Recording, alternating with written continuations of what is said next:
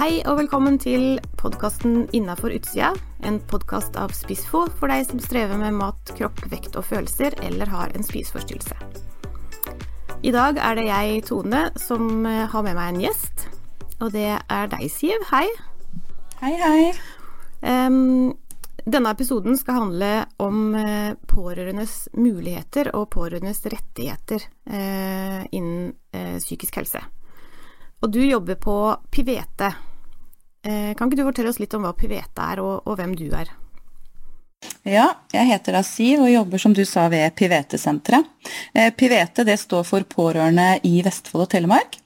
Eh, og vi eies og drives av LPP, som en, eller LPP Vestfold og Telemark, som er en organisasjon som jobber for pårørende og etterlatte innen psykisk helse og rus. Mm. Hos oss så trenger du Det er ikke noe henvisning, og alle tilbudene er gratis. Eh, vi er likepersoner, vi som jobber der. Vi er to, to stykker. Det er meg og Hanne Tunes. Eh, men vi har eh, mange samtaler, kurs, grupper. Og hovedtilbudet vårt er i Porsgrunn, men vi har også tilbud i Midt-Telemark og, og Tønsberg så samarbeider vi jo masse med sykehus og kommuner rundt om da, i forhold til å jobbe for pårørendes rettigheter, og hvordan vi tenker det er lurt å jobbe mot, mot denne gruppa, da. Mm. Så når du sier at dere er like personer, så betyr det at dere har egen erfaring som pårørende, uh, og kanskje vet litt om hva det er å stå i det, og hvor forvirrende det kan være, da? Mm. Mm. Vi har begge si, god og lang erfaring med å være pårørende. Eh, bortimot 20 år på hver vår kant og med ulike relasjoner. Så det, det er noe med å, å, møte personer som har stått i det, som du sier. Som har kjent på kroppen hvordan det er både å møte system og, og hvordan det er å være i den situasjonen over tid. Da. Mm.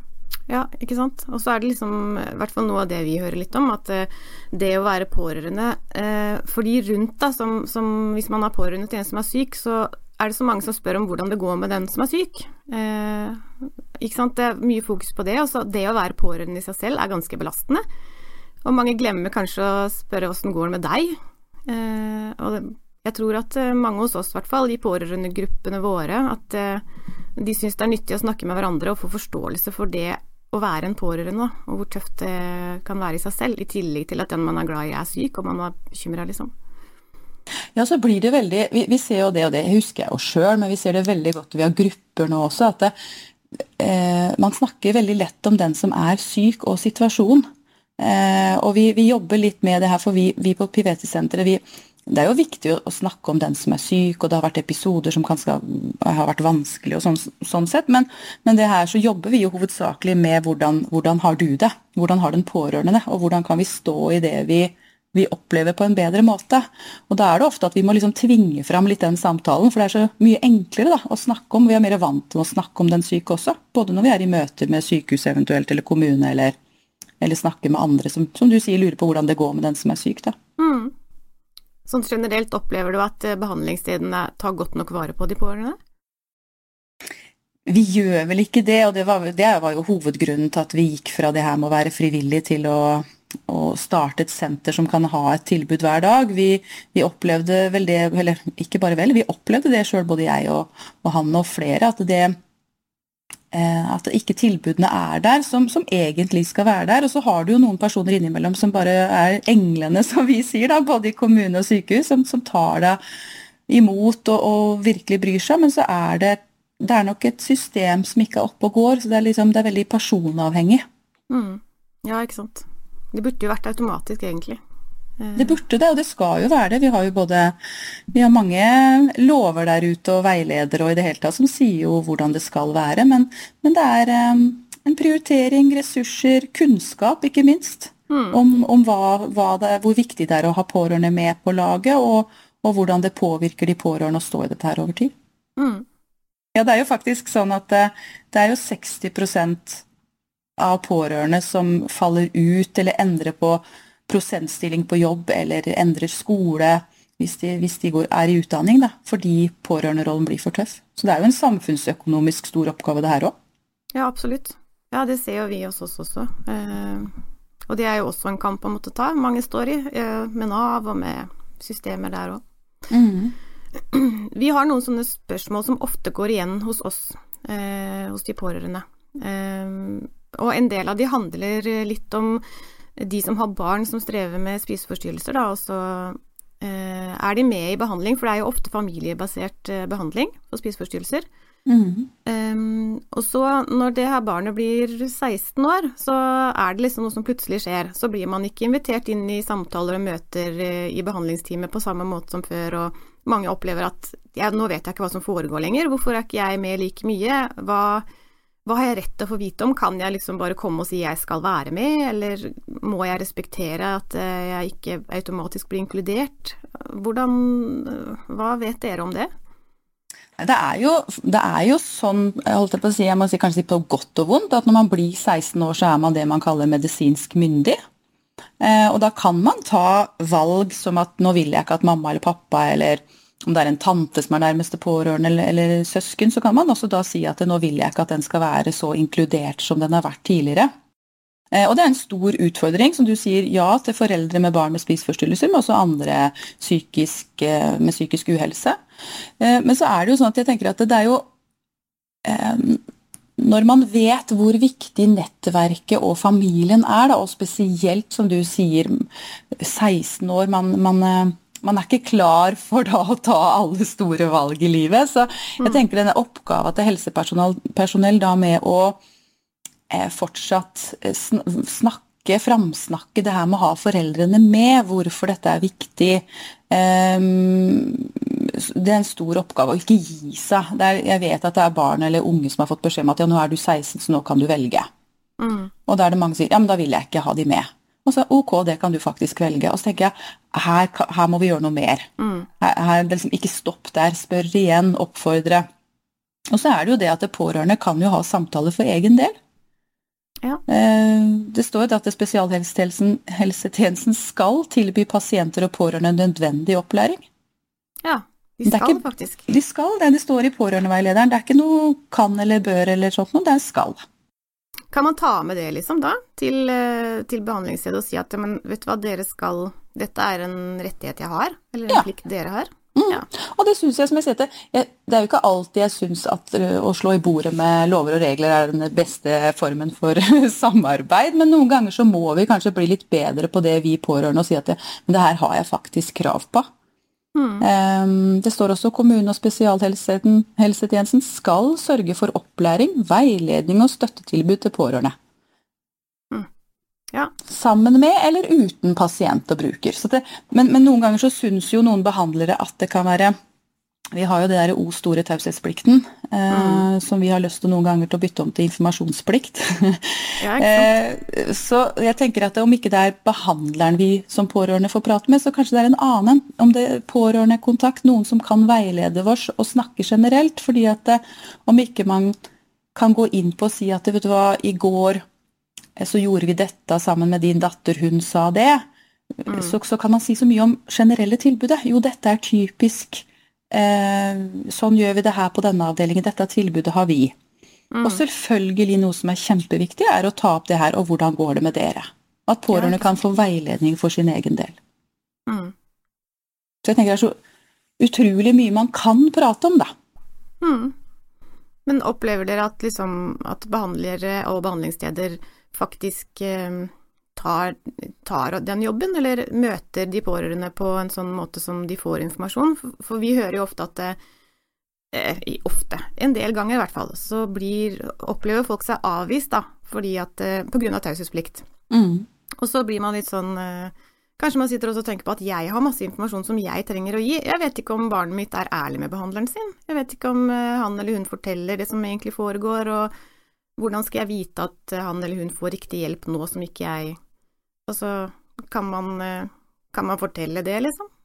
Ja, det, det kan man, og, og, vi oppfordrer jo det her med å, å, be om en samtale selv med behandler. Da. Og som jeg sa i stad, så kan det hende at du ikke får med behandler, men en annen enn ved sykehuset. Og du, du, du kan informere, og, og, det er jo kjent det at eh, om du er ung eller voksen, så er det jo sånn at du gjerne kanskje innimellom ønsker å pynte på din egen situasjon.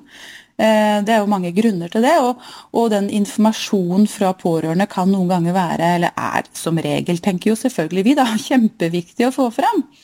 Um, og, og, jeg ønsker jo også at behandlerne kanskje skal være mer nysgjerrig på uh, hva, hva, mer er det her? Jo, da snakker jeg med pårørende. Da får jeg liksom et større bilde av situasjonen. Hvordan har det vært de siste året, f.eks., eller de siste ti åra for mange. Eh, og så, men så er det selvfølgelig det her med journalføring da, som blir så viktig inn i det her. Mm. Eh, for det er, eh, det er, dessverre sånn at mange har fått journalført ganske mye fra en pårørendesamtale hvor da pasienten har eh, reagert på det, da, og at den relasjonen har blitt vanskelig i ettertid. Mm. Det er mange redde for oss også. Mm. Jeg tenker at det er så viktig det her med å når man eh, får denne samtalen med behandler eller en annen fagperson, og snakke om det. Hva, hva skriver du i journalen, hva, hva må du skrive? Um, for det er jo sånn at eh, er det, er det informasjon som kan være fare for liv og helse, så kan man jo uh, unnlate det fra pasientens journal. Men så er det så forskjell på hva vi tenker er fare for liv og helse, og hva kanskje personalet ser på det, da. Mm. Jeg tenker at det er jo ille nok at relasjonen mellom eventuelt mor og datter eller far og datter blir ødelagt, eller i hvert fall eh, tillit blir borte da, pga. noe man har sagt. Akkurat. Ja, nettopp det der er det mange som, som opplever som vanskelig, tror jeg. fordi vi hører jo ofte at eh, for en forelder eller en pårørende vil veldig gjerne enten gi informasjon eller å få I hvert fall sørge for da, at den man er pårørende til, får behandlingen som er riktig for den personen. Men samtidig så er kanskje den bitte lille tilliten man har fått hjemme, da, altså man er redd for å ødelegge den. Akkurat som man sladrer, på en måte. Og, og, så, og når det da eventuelt blir satt i journalen at nå har mor eller far ringt og sånn og sånn, så kan den bitte lille tilliten bli ødelagt, og så er man enda mer stengt ute fra informasjonen enn det man var fra før. Så, så det, men da kan man liksom faktisk snakke med, med den, den, som man eh, har den samtalen med. Så kan man si at 'jeg er redd for at, uh, hva som skal stå i journalen', fordi ok, ja, men så bra. Uh, det er jo viktig å vite, tenker jeg, at det er lurt å gjøre, å avtale få litt innblikk i hva som blir stående. Mm, og, og, det tenker jeg det er uh, Ja, jeg, jeg, jeg, håper jo at flere behandlere er flinkere til å opplyse om det, og når de setter seg ned i en samtale, at bare så du vet det, så må jo nå jeg skrive dette, og sånn. Og så er det jo sånn at de det er jo enkeltpersoner i disse yrkene, og noen faktisk skriver at jeg, jeg skri, eller sier at jeg skriver i journalen at du har vært til samtale. Mm. Punktum. Eh, mens noen gjør det sånn at de føler at de må skrive mer. Så det er, det er veldig individuelt. Men det er i hvert fall å, å, ta det opp og være litt obs på at dette her vil jeg ta opp i samtalen, sånn at man kjenner seg trygg og at informasjon blir behandla på en god måte, da. Mm. Jeg tenker det er jo, det er jo fint å um, kunne formidle det til den som eventuelt er syk, da, som er imot den kontakten. At uh, den pårørende har også behov for informasjon, og også behov for støtte. Mm. Um, vi har jo også pårørende hos oss hvor, hvor, den som strever, ikke vil at den pårørende skal gå i gruppe. Ikke vil at den skal komme til samtale. Men så så blir det liksom, prøver jeg å formidle også at men dette er ditt behov. Mm. Dette er noe du trenger å gjøre for deg, og det har du rett til å gjøre. Eh, det handler ikke om at vi sitter og snakker om den som er syk, men om den som er pårørende, da, og hvilken belastning det er.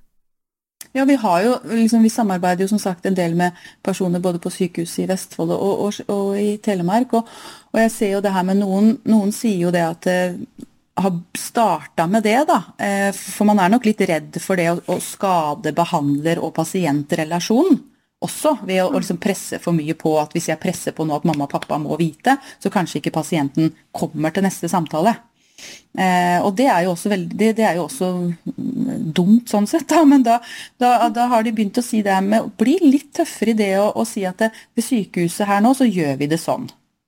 Mm. At liksom, man tar på seg litt det ansvar for at det her er god behandling. Her er jeg en trygg fagperson som mener dette. Og, og, så har de selvfølgelig en samtale og kan si at vet du hva, hva kan jeg si, hva syns du, hva tenker du jeg kan si til mamma og pappa? Ja, ikke sant. Ja, da blir vi enige om det. Dette kan jeg si. Det er du trygg på nå at jeg kan gi videre. Da skal jeg gjøre det. Mm. Så, så, Det er jo så viktig med tillit i flere ledd, da. Men det at man liksom er litt sånn tydelig som fagperson at dette her er en del av behandlinga. Eh, mm. Og så må jeg jo si at man skal jo være også veldig obs på der det er pårørende som ikke er gode pårørende. Mm. Ikke sant? Det, det, er en kjempe, for den liksom møter vi noen ganger når vi fremsnakker veldig det her med pårørendearbeid, som vi da ofte gjør. at det, det er jo også pårørende som ikke er gode pårørende, og som ikke skal ha informasjon. Mm, absolutt. Men hva skjer når de blir eh, over 18, da? når de liksom blir myndige. Da føler mange at eh, nå er jeg i hvert fall ikke noe jeg skulle sagt, nå kan jeg virkelig stenges totalt ute. Mm. Eh, noen opplever jo også at eh, de de er Altså hvis dette her er foreldre, da, eh, at eh, Kan jo ikke si barnet lenger, da, men eh, 18-åringen blir kanskje lagt inn, eller blir endra i behandling, og de, og de vet ikke om det. De får ikke vite det. Eh, og så er det mange som lurer på må det være sånn, kan jeg påvirke det her på noen måte? Um, må jeg bare tåle at uh, nå er jeg helt på utsida? Ja, ja, på en måte. Så må man også eh, tåle litt de overgangene her, og det tror jeg er litt sånn Jeg tenker at det, noen ganger så eh, ønsker gjerne vi pårørende at det skulle vært så annerledes. Og så Mm. er det noen lover og regler der som er der på godt og vondt, og de må vi noen ganger bare også på en måte akseptere noen ganger at ja, sånn er det. Barnet mitt har blitt 16, barnet mitt har blitt 18, og da er det sånn. Og så, og så igjen da, så blir dette her samarbeidet. eh, hvem kan jeg ta kontakt med? Ja, både når barnet som vi snakket om når det blir 16 og når det blir 18, så kan jeg ringe og si hei. Eh, mitt barn på 20 eller mitt barn på 35 eller mitt barn på 40. ikke sant? Uansett Mm. så er det jo barnet vårt. Så kan man si det her at eh, nå vet jeg at den er innlagt der, og, og jeg ønsker en pårørendesamtale. Ja, ok. Mm. Mm. Så det er uansett alder så kan man det, og jeg, jeg tenker det her med eh, å- å igjen gjøre gode avtaler med den som er syk. Eh, ja, gjøre avtaler i gode perioder. At, at man, for det er jo noen som skriver også det her å bli enige om at eh, mamma og pappa kan ha all informasjon, for de er så gode å støtte og hjelpe til meg. Men jeg vet at når jeg kommer inn i en sykdomsperiode, så ser jeg det ikke på den måten. Men samtidig så vil jeg at de skal få informasjon. Mm. Ja, det tror jeg er kjempebra tips, for det, den, den alliansen der, da, å lage den i fredstid, når Ja. man alle vet at dette er det beste, selv om det kan endre seg når ting blir vanskelig. Men eh, fordi, fordi en del sier også eh, ja, men jeg står jo oppført som nærmeste pårørende. Og så tenker man da må de jo ringe meg og si ifra når noe skjer, og så gjør, så, så gjør de ikke det, da. Um, og da lurer mange på hvorfor står jeg oppført som nærmeste pårørende hvis ikke jeg får beskjed om ting. Mm. Um, og er det sånn at um, pasienten blir spurt, da for eksempel eh, vil du jeg skal ringe nærmeste pårørende, og pasienten sier nei, så blir det ikke gjort noe? Og det, det er det eh, mye snakk om. Eh, fagpersoner, eller med de fagpersonene som jobber på ulike steder. Det her med eh, Og så tror jeg litt den derre eh, sunn fornuft inn i denne pakka òg. For at vi vet jo om at det, er, det, er det en familie som er, har, en, har trygge og gode rammer og er en god støtte, og, og denne unge jenta eller gutten på 19 da, har bestemt seg for ingenting, så, så, det, så skal man jo respektere det, for sånn er jo lovene. Men, men det er som igjen da, det her med å jobbe med det over tid. Og så kan man også ta en telefon og spørre den pårørende hvordan går det med deg. Mm. Ja. Tenker jeg jo er en fin ting å måtte altså, kanskje være bedre på, da. Å ta Mm. den telefonen. Mm. Det er en annen ting også som eh, mange foreldre spesielt er veldig fortvila over, da, når de har et barn som strever med mat, og de ser at dette her går veldig, veldig feil vei. Eh, og det er jo sikkert eh, samme hvis det er en annen type ting de strever med, men eh, så ønsker de å ha med seg barnet eller ungdommen sin til fastlegen, mm. men den personen nekter. Eh, vil ikke være med til fastlegen. Og det, vi vet jo at det er jo der alt håp starter, holdt jeg på å si, for hvis man skal komme seg videre. Og nå lurer jeg på kan, jeg, kan vi tvinge han eller henne til å bli med til fastlegen. Hvordan skal vi gjøre dette her? Kan fastlegen gjøre noe uten at den personen er med? Eh, kan vi som foreldre dra- til fastlegen og si ok, han eller hun ble ikke med, men dette er situasjonen. Altså, hva gjør folk da? Eller hva kan dere få det til? Nei, det er kjempevanskelig, og, og det er jo det er jo ikke sånn at vi, når de blir litt større, så kan ikke vi foreldre ta de under armen og, og gå og levere lenger. Eh, Så jeg tenker det her med å eh, Hvis barnet ikke vil, så, så, så, så får man ikke det fysisk mulig til mange ganger. Men man kan sende en bekymringsmelding til fastlegen. Mm, Eh, Man kan også ringe og ønske seg en samtale med legen til eh, sitt barn. Mm, Hvor man kan eh, si noe om bekymringene og hvordan det egentlig går hjemme når døra er lukket. Um, og igjen da snakke om det her med journalføring, eh, og hvilken informasjon kan brukes og gis videre. Um, og så tenker jeg også mange ganger så er det, er det, noen andre personer som har barnet mitt en god relasjon til en tante, et søskenbarn, en venn? Hvem andre kan jeg bruke som kan være med på å påvirke litt i det her? Da? For det er jo gjerne sånn at vi foreldre vi, vi kan si mye. Jeg husker jo det godt fra min egen barndom, jeg, så er det jo ikke alltid man hører på det mamma og pappa sier først. Nei. Så er det noen andre som kan være med å påvirke her og, og snakke med barnet mitt. Ikke være så redd for det, og ikke tenke at da har jeg ikke klart uh, mamma- eller pappaoppgava mi, men, mm. men, faktisk så er det sånn. Mm. Um, og så tenker jeg også på det at noen ganger så blir vi så opptatt av det som er vanskelig og negativt og feil, og dette må vi endre. Og så kan det, kan det være en annen innfallsvinkel. Skal vi nå se om vi kan gjøre noe hyggelig sammen? Mm. Finne på noe annet, skifte fokus, sånn at kanskje samtalene kommer, kanskje eh, ja, at vi, vi får fram um, ja, vi, for det, vi, vi, blir jo litt sånn Vi vil jo hjelpe, vi må gjøre noe. Og så blir det litt sånn krampaktig, og det å kanskje ta et steg tilbake og si at vet du hva, nå må jeg puste, nå, nå må vi gjøre noe hyggelig sammen, nå må vi skifte litt fokus. Ikke for at man skal glemme å ikke gjøre noe med det som er vanskelig, men uh, ja.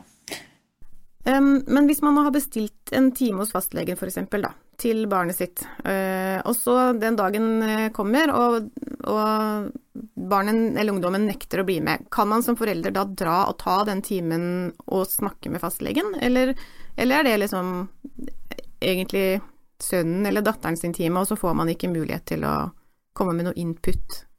Uh, jeg tror jeg har vært med på begge deler. Jeg har vært med på at foreldre har eh, ringt da og sagt at jeg får ikke med meg eh, barnet mitt. Mm. Og da har de blitt enige om at da kommer du. Ja. Eh, og så er det noen leger som eh, eh, ikke har stilt seg så positive til det. Eh, men jeg tenker Jeg ville ha reist, og så ville jeg ha sittet på det kontoret, og så ville jeg gått inn når det blei ropt opp. Og bare sånn, sånn er det. Mm. For det er så viktig å få det er så viktig å få sagt disse tinga. Eh, for det er så viktig å komme i gang og få den hjelpa. Og bare, selvfølgelig for den som er syk, men, men også for den pårørende å få at noen lytter. Jeg, jeg må gi mm. denne informasjonen, dette, på en måte litt sånn dele dette ansvaret med noen. For det blir så vanskelig og altfor stort at jeg skal sitte med det her aleine. Mm. Ja, for veldig mange blir jo veldig redde og maktesløse når de liksom ikke får lov til å hjelpe, men samtidig sitter og ser på at her går alt uh, veldig gal vei. Mm. Ja.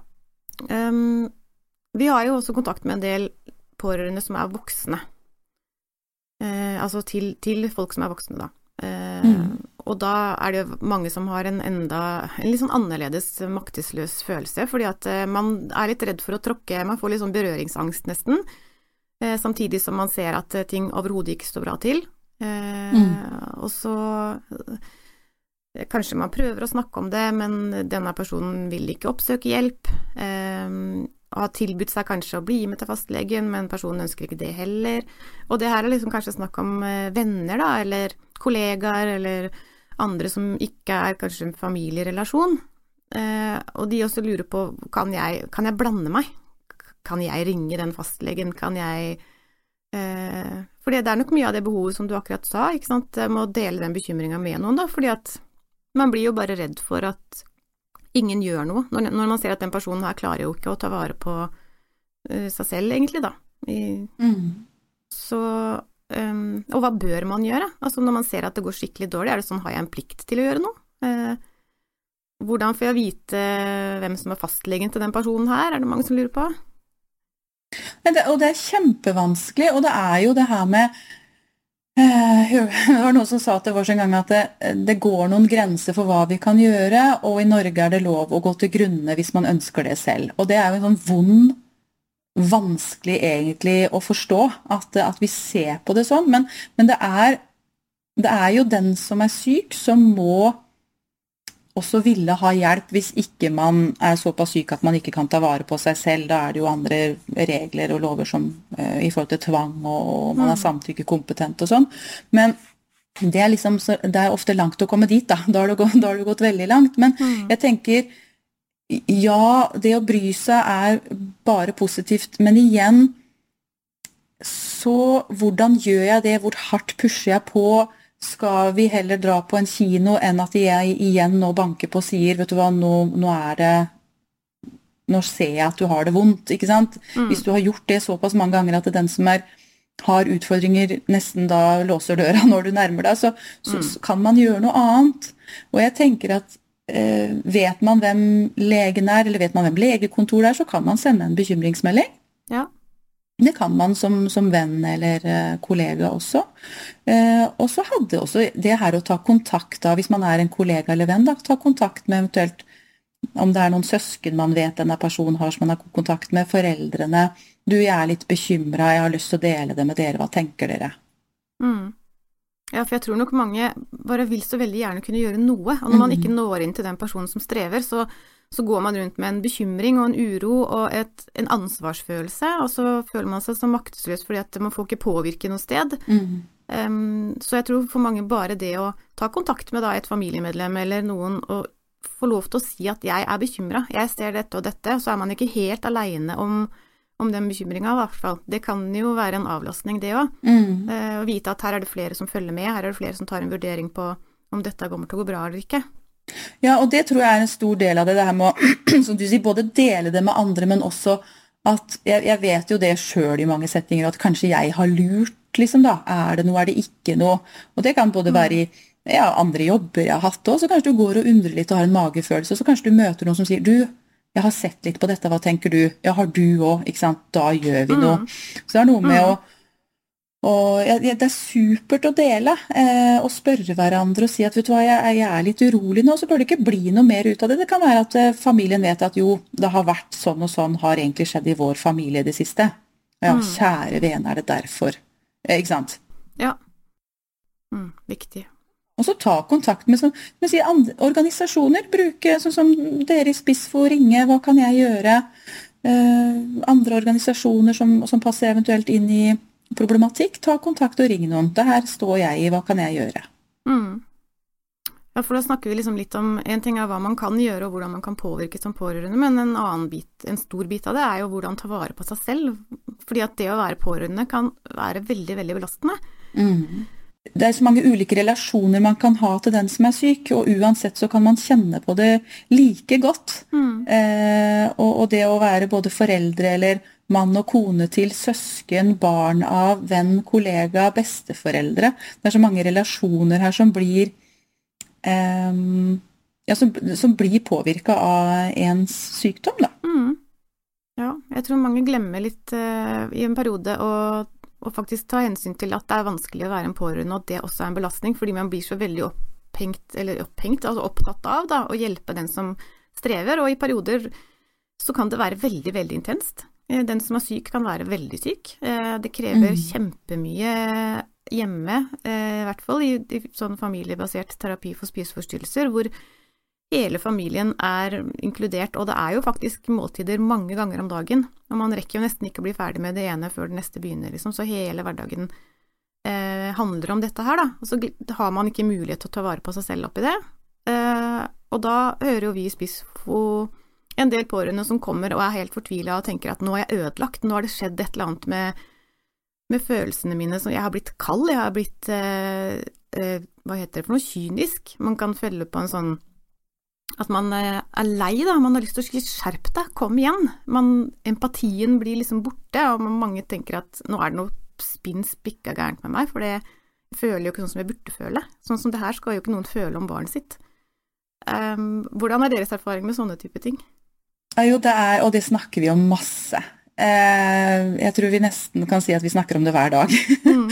I ulike settinger. For, og det er det her med den omsorgstrettheten, empatitrettheten. Vi, vi, vi, har gått tomme for det her med å gi omsorg og empati. Uh, og for mange så er det godt Når vi liksom tar det her opp, da, når de uttrykker disse følelsene at vet du hva, nå har jeg bare lyst til å si skjerp deg, nå må du flytte ut, jeg orker ikke mer, nå flytter jeg på ei hytte langt inn på Hardangervidda hvor Mm. ingen kan få tak i meg. Og at, at det her er normale følelser. Mm. Det her har vi, det her kommer, det her vil komme. Det her vil du kanskje kjenne mer på enn du gjør nå. Så er det veldig godt å kjenne at å ja, det er normalt, det er ikke jeg som har blitt, som du sier, kald eller kynisk, eller hvem har jeg blitt i dette? Mm. Og så er det også det her med å eh, for, for det er jo, som du sier, også veldig vondt, da, å, å liksom sånn Å kjenne på at jeg ønsker den jeg er glad i, langt bort. Mm. Vi har jo faktisk pårørende som sier at nå skulle jeg ønske at den Så her det her med eh, selvmordsproblematikk, da. Jeg skulle jo ønske at den vet du hva, Nå skulle jeg ønske at den klarte det, for jeg orker ikke mer. Mm. Og det er så vondt å si, Ja. men allikevel godt å si, for man er så ferdig. Mm. Og så snakker vi om det, og så sier de da ja, jeg vil jo ikke det. Og så sier jeg det, det skjønner jeg, Mm. man vil jo ikke det, men det sier noe om hvor på kanten man er sjøl, da. Mm.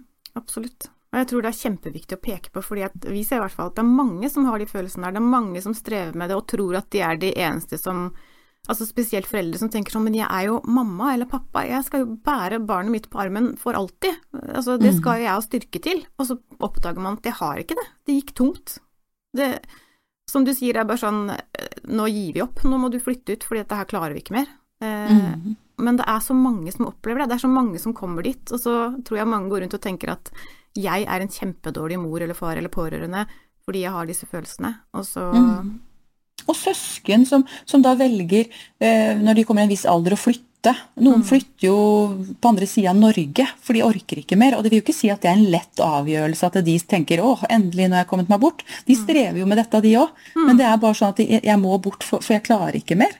Men, men det her med at Og det å tenke den oppfølginga pårørende får, da. Jeg syns det er så viktig at, at noen tar dette opp tidlig. mm, Vet du hva, det her, det her faktisk er følelser som du kanskje muligens etter hvert kan kjenne på. Hva tenker du om det? Ja. Fordi at vi, da kan vi være så Jeg tenker at det, fagpersoner vet så godt om hvordan det er å være egentlig, hvordan det er å være pårørende over tid. Mm. Og da å kunne ta det opp i en tidlig stadie at det, vet du hva, dette her kan være en av de tinga du vil møte.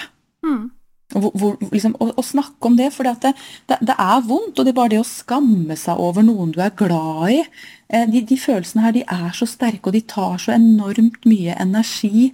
Eh, så, så det tenker jeg det er en sånn kjempeoppgave som vi jobber mye med, at de skal, det, det skal snakkes om. mm, For det er helt vanlig og normalt, og de fleste av oss kjenner på den 'nå er jeg ferdig'-følelsen. mm, ja, ikke sant. Det, man skal ikke grave seg ned i skam og, og elendighet, fordi dette er normale følelser, og forståelig i situasjonen. Veldig. Og så er det jo ikke alle som Jeg tenker, hvem snakker jeg med om disse tankene og følelsene?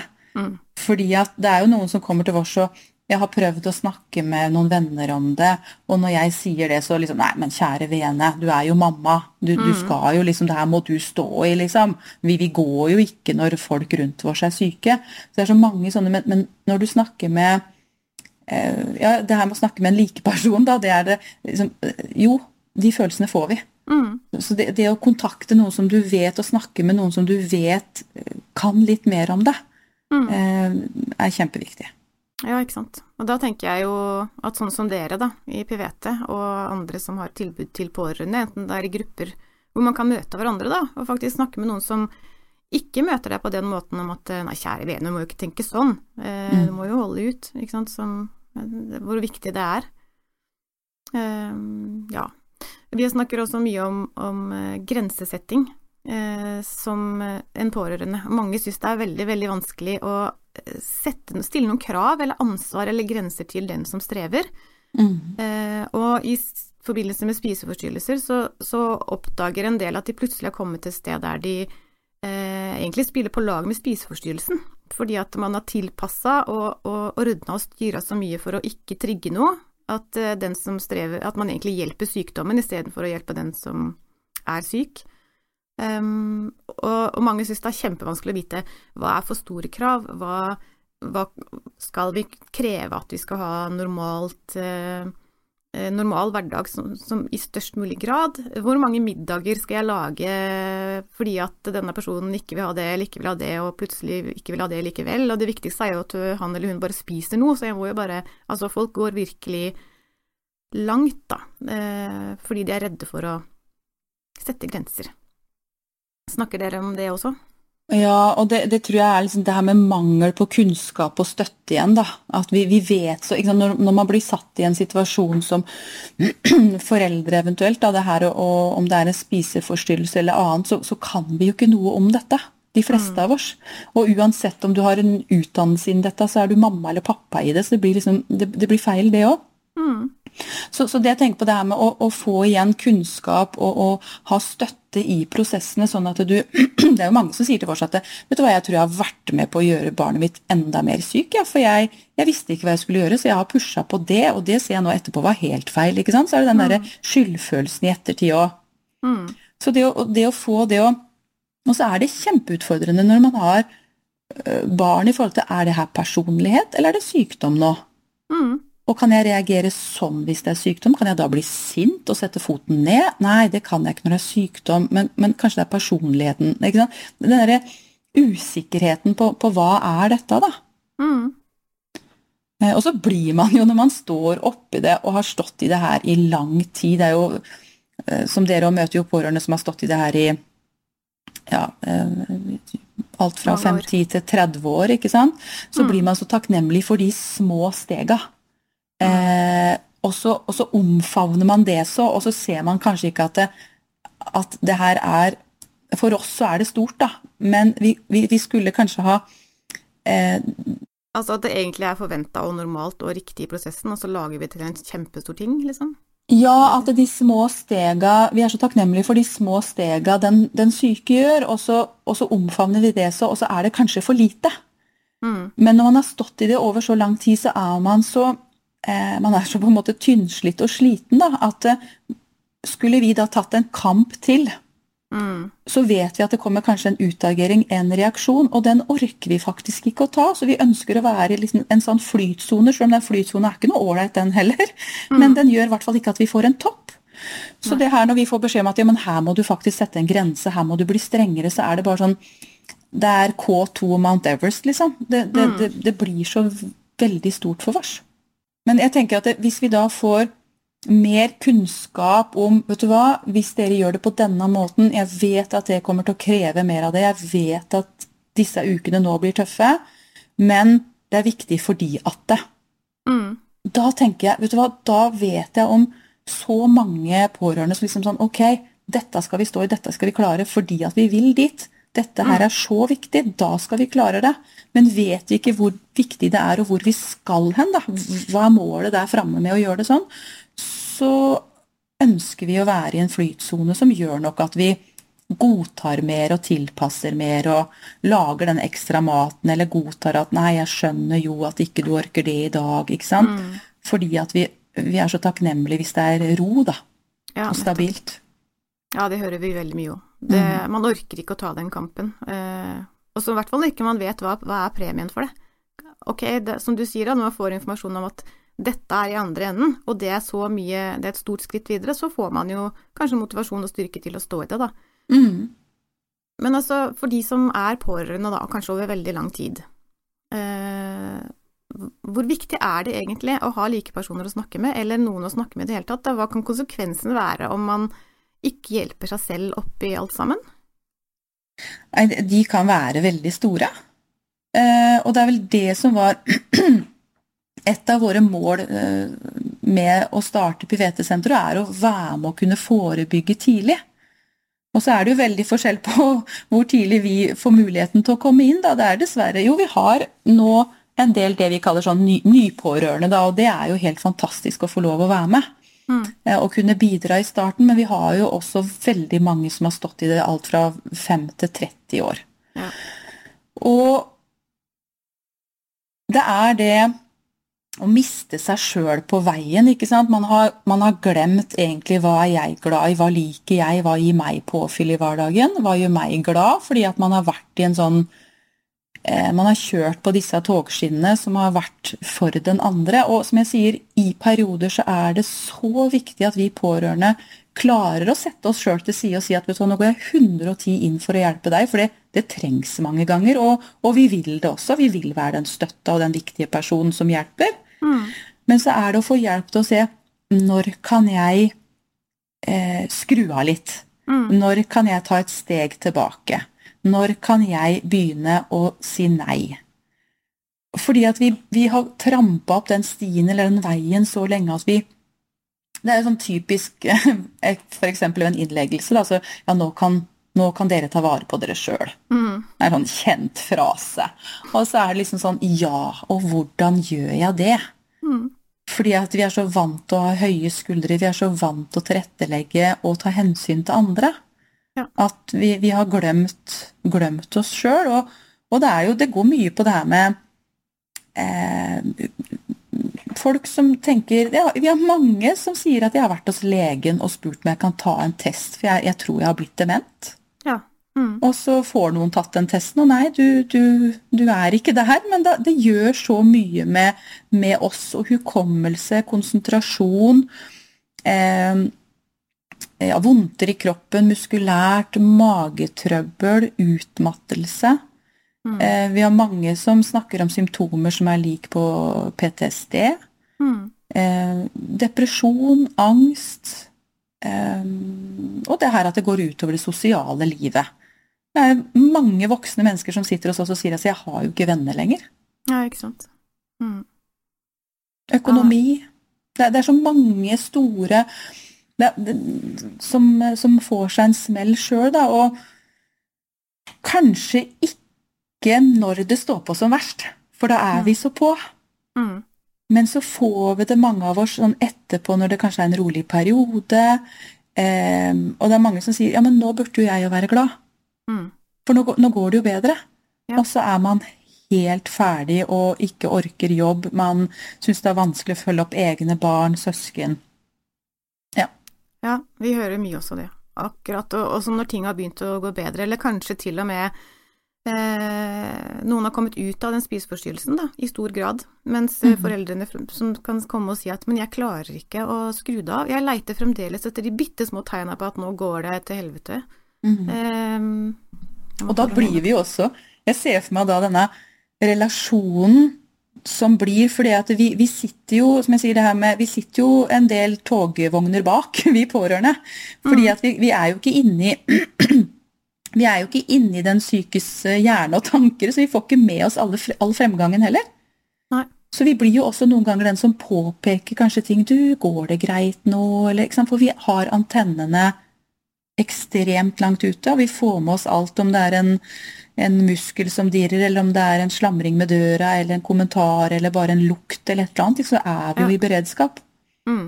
Og, men igjen, dette her trenger de pårørende så hjelp til å, å jobbe med. Mm. Hvor kan vi finne den hjelpa? Jeg syns jo at man skal eh, få den hjelpa, først og fremst. Og bli mm. tilbudt hjelp ved eventuelt i, i en kommune- eller sykehussammenheng hvor pasienten er, eller får behandling.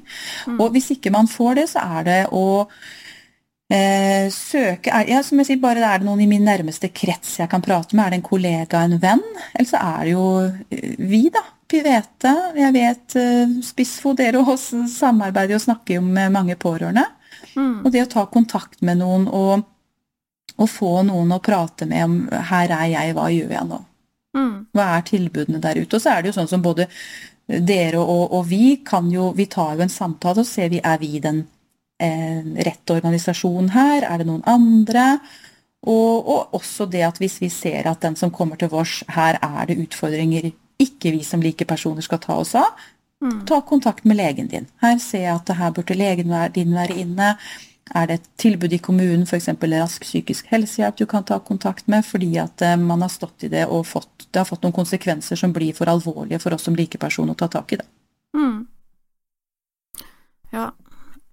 Sånn ellers, da, hvordan kan man liksom altså Det er så lett å si at man må ta vare på seg selv, eller man må ja, ikke glemme seg selv midt oppi alt. Men, men, hva kan man gjøre liksom, sånn praktisk for å klare å avlaste seg selv i hverdagen. Sånn som for eksempel nå, da, så er det jul snart, ikke sant, og mange løper rundt som eh, noen tullinger for å få alt på plass, samtidig som de overhodet ikke har energi til det, og som alt annet eh, ofte med sykdom også blir forverra når det kommer til jul. Veldig mange ting. Er det hva mm. kan man gjøre, hvordan kan man avlaste seg selv på en sånn måte som man i hverdagen, da, som man kanskje ikke tenker på selv at dette trenger jeg kanskje ikke gjøre på denne måten?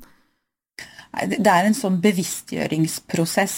Eh, jeg tror mange av oss har godt av å sette oss ned og om man ikke klarer det aleine, da sammen med noen og si 'hvor er jeg hen egentlig nå?' Eh, og sånn i forhold til jul eller andre ja, sånne tradisjoner og sånn, så er det liksom sånn hva, hva er viktig for oss i år? Hvilken jul er best for oss? Sette seg ned og snakke sammen. Hva, hva egentlig er viktig for deg? Kanskje det bare er at jeg får sett uh, Tre nøtter til Askepott, så er jula da er det greit. Og da kanskje jeg også som mamma eller pappa kan tenke at eh, vet du hva, da trenger jeg kanskje ikke alt det andre. Mm. Så, så, det er det å bli først bevisst på hva, hva, hvordan har jeg det egentlig, hva orker jeg egentlig, hvis jeg skal være 100% ærlig med meg sjøl. Mm. Eh, og, hva forventer egentlig de andre av meg? Eh, som sagt så er det kanskje ikke at det behøver å være sånn det alltid har vært. Kanskje det har vært mye bedre å gjort det her på en annen måte. Mm. Og så tror jeg Det er ofte et litt sånn touchy tema å ta opp, det her å sette, tid, sette av tid til seg sjøl. For mange sier ja, men det har jeg ikke muligheten til. Mm. Nå er det 24-7. Og, og det, det, skjønner jeg så godt. Samtidig så har det noe med at det, for det første, hvem kan jeg spørre om hjelp? Vi er kjempedårlige til å spørre om hjelp. Mm. Om det er å skulle Kan du komme hjem til meg og hjelpe meg å pynte huset i år? Kunne du ha kjøpt Jeg ser det er tilbud på en butikk nå på en vare. Kan du reise og kjøpe den for meg? Mm. Eh, og, og, vennene våre blir jo Jeg blir jo glad hvis mine venner spør meg om hjelp. Det er jo noe, det. Eh, og konkret. Det er jo bare helt nydelig. Mm. Og så tenker jeg det, har jeg muligheten for å ta med meg kaffekoppen ut og ta fem minutter? Mm. Har jeg muligheten til å sitte to minutter i bilen før jeg går inn og høre denne sangen ferdig? Mm. Fordi at vi, vi, er så på. Eh, vi, vi, rekker ikke å, å sjekke inn mm. hvordan står det egentlig til. Eh, så det her med å bare ta de derre ja, jeg har kanskje ikke mulighet til å nå reise på hytta eller et annet sted aleine en hel helg, men kanskje jeg har mulighet til å sette meg ned en halvtime og kose meg med en bok hvis man har muligheten til det, eller se, øve seg på å se mulighetene i, det, i den ramma man har, da. Ja, ikke sant. Og det kan hende det er viktigere enn å bake krumkaker, og heller kjøpe de på Kiwi i år. Veldig. Mm. Og de andre rundt oss får jo glede av det. Ja, det er noe med det, ikke sant. Ja. Hvis man snakker om dette, hva er egentlig viktig for deg til jul? Nei, det er egentlig bare at jeg får sett det TV-programmet eller den julefilmen, så er det jul. Ok, men da mm. trenger jeg kanskje ikke sju slag, da. Nei, nettopp. Det er noe med det. Mm. Senke lista for seg selv også. Og som du sier, det er jo det En ting er at når jeg blir spurt av noen, kan du hjelpe meg å avlaste noe, så er jo det som balsam for meg. Jeg syns jo det er nydelig å få lov til å hjelpe. Mm. Og hva med å prøve å tenke at det, gi den gaven til noen andre også som er glad i deg, da. La de få lov til å bidra litt. Det trenger ikke være noe kjempestort, men de små tinga der. Og at når man har litt pust igjen i seg selv, så har alle andre det bedre rundt deg også. For når man er utslitt, så har man ikke så veldig mye positivt å gi til andre heller. Nei, da blir man ikke en god pårørende. Nei, man gjør jo ikke det. Man... Så det er jo det å skape rom for at jeg kan eh, vurdere ting igjen. Da. For som sagt så går vi så fort i det sporet. Så det er liksom, hvordan kan jeg, jeg gi meg rom til å liksom sjekke inn, tenke gjennom vet du hva, Vil jeg dette nå? Kan jeg dette nå? Skal jeg si jeg? Ja, skal jeg si nei? Ikke sant? Mm. Eh, gi oss rom til å drøfte med oss sjøl litt. Grann, ja. God tips. Er det noe annet som du har tenkt på som eh, jeg ikke har tenkt på? det, og spurt om underveis her nå? Synes jeg, nå synes jeg, det Vi har vært innom mye. Jeg tenker, jeg tenker litt det her med å være obs på uh, søsken og barn i familien som, uh, som er der. Mm. Um, det er ofte vi hører når vi spør er det flere søsken hjemme eller barn, så, så liksom, ja, men, men den, det går veldig bra. Uh, mm. Den er god til å tilpasse seg og, og veldig snill og stille og sånn og rolig, så det går fint. Og, og bare, bare, bare ja, hva er grunnen til at den er så stille og snill? Og det kan være Barn er jo veldig ulike, men, men de tar også veldig mye hensyn. Mm. De senser ekstremt, og de tilpasser seg veldig mange. Noen kan ha en eh, utagere og, og, uttrykke følelser veldig sterkt, men noen også blir veldig stille og, og, går stille i gangene, for å si det sånn, da.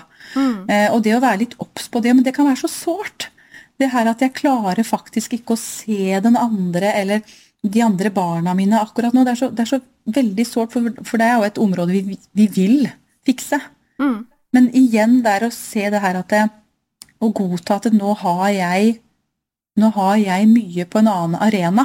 Det er noen andre som krever så mye av meg da, og da, da vil jeg at de andre barna mine eller da søsken skal utfolde seg og utvikle seg på en positiv måte. Og igjen da kan jeg spørre en tante eller onkel eller besteforeldre om litt mer hjelp.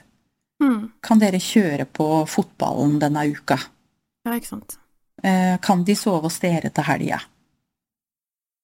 Mm. Eh, og, eh, og, være litt ærlig på det, fordi det, det, er et ganske sårt tema å skulle liksom innse at vet du her, det her fikser jeg kanskje ikke.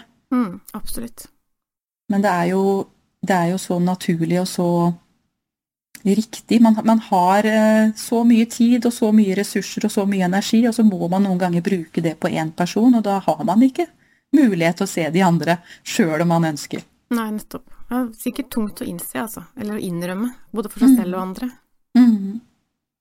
Og så sier noen at ja, men hvis jeg skal spørre om hjelp, så må jeg fortelle. Ja. Da må jeg si noe om hvordan vi egentlig har det. Ja, ikke sant. Eh, ja. Det for noen kan være veldig vanskelig. Ja. ja det er jo noe med det òg. Vi også hører jo en del av det. Bekymringer rundt hva skjer da, eller mm. Ja. Mm. Men hvis ikke det er uh, noe mer du tenker på, som jeg tenker at uh, i så fall må vi lage en episode til om pårørende. Vi skal ha flere, så det kan hende at vi sjekker inn med dere en annen gang også.